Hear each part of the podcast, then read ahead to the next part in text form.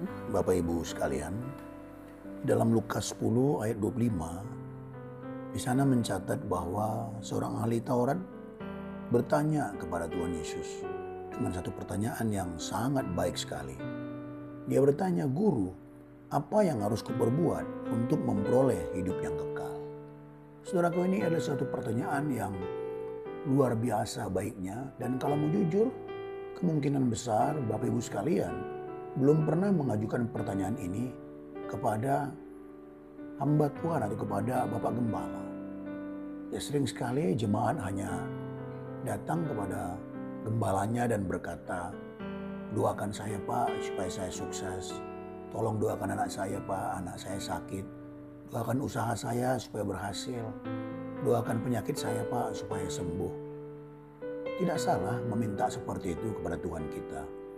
Tetapi pertanyaan seperti itu masih jauh sekali di bawah pertanyaan dari ahli Taurat ini tadi. Yang mengatakan yang dia ingin tahu atau dia ingin memperoleh hidup yang kekal. Nah, saudaraku yang dikasihi Tuhan Yesus Kristus. Namun kita memunculkan pertanyaan yaitu mengapa seorang ahli Taurat menanyakan bagaimana memperoleh hidup yang kekal? Apakah dia tidak tahu? Nah, menarik Bapak Ibu yang terkasih, di ayat 26-nya Yesus memberi jawab. Kamu kan apa yang tertulis dalam hukum Taurat? Apa yang kau baca di sana? Nah, Tuhan Tuhan Yesus tidak mengatakan kamu kan seorang ahli, ahli kitab suci. Masa kan kamu tidak tahu apa yang tertulis dalam hukum Taurat? Kan engkau telah membaca, harusnya engkau tahu loh bagaimana mendapat hidup kekal. Dan orang atau ahli Taurat, ahli Taurat itu menjawab, kasihilah Tuhan Allahmu dengan segenap hatimu, dengan segenap jiwamu, dan dengan segenap kekuatanmu, dan dengan segenap akal budimu. Dan kasihilah sesamamu manusia seperti dirimu sendiri. Nah Yesus menjawab dia, jawabmu itu benar. Berbuat demikian maka engkau akan hidup. Jadi jelas Bapak Ibu yang terkasih, jadi ahli Taurat ini Ya dia tahu kok jawabannya. Dia bertanya kepada Yesus bagaimana memperoleh hidup yang kekal. Tapi sebenarnya itu sebuah pertanyaan yang aneh juga. Walaupun memang kita katakan tadi pertanyaan yang bagus. Tapi pertanyaan yang aneh. Sebenarnya dia tahu. Dan jawabannya tepat. Yesus sendiri yang berkata jawabmu itu benar.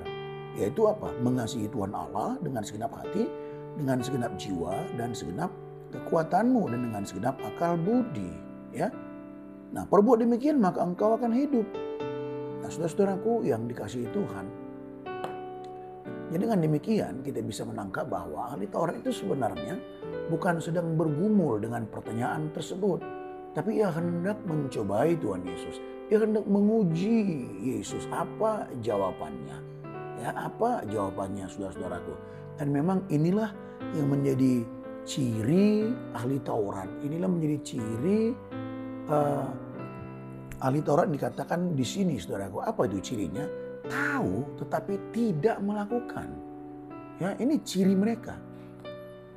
Tahu tetapi tidak melakukannya. Saudaraku yang dikasih Tuhan. Itulah sebabnya Tuhan Yesus ya pernah uh, mengatakan begini saudaraku. Ya, uh, turutilah apa yang mereka ajarkan kepadamu. Ya, tetapi jangan turuti perbuatan-perbuatan mereka. Karena mereka mengajarkannya tetapi tidak melakukannya. Nah saudara-saudaraku hati-hati. Jangan sampai kita memiliki spirit seperti ini. Semua hanya kepura-puraan saja. Semua hanya formalitas. Biar kelihatan rohani ya. Ketemu orang berkata haleluya. Lalu mengajukan pertanyaan-pertanyaan yang baik. Padahal sebenarnya kita tidak, tidak sedang menggumulkan itu. Nah saudaraku itu satu kemunafikan, itu satu kepura-puraan, apalagi hendak memuji. Ya, nah, jadi saudara-saudaraku yang dikasih Tuhan, mari kita menjadi seorang anak Bapak surgawi yang tulus. Jadi ketika kita bertanya sesuatu misalnya uh, ingin mengetahui bagaimana dia kekal, biarlah itu mengalir dari hati kita yang tulus bahwa kita sedang menggumuli itu. Ya, Misalnya kita minta agar orang mendoakan kita, teman kita mendoakan kita. Biarlah itu betul-betul satu hal yang keluar dari hati kita yang tulus. Bahwa kita mau minta doa dari saudara-saudara kita.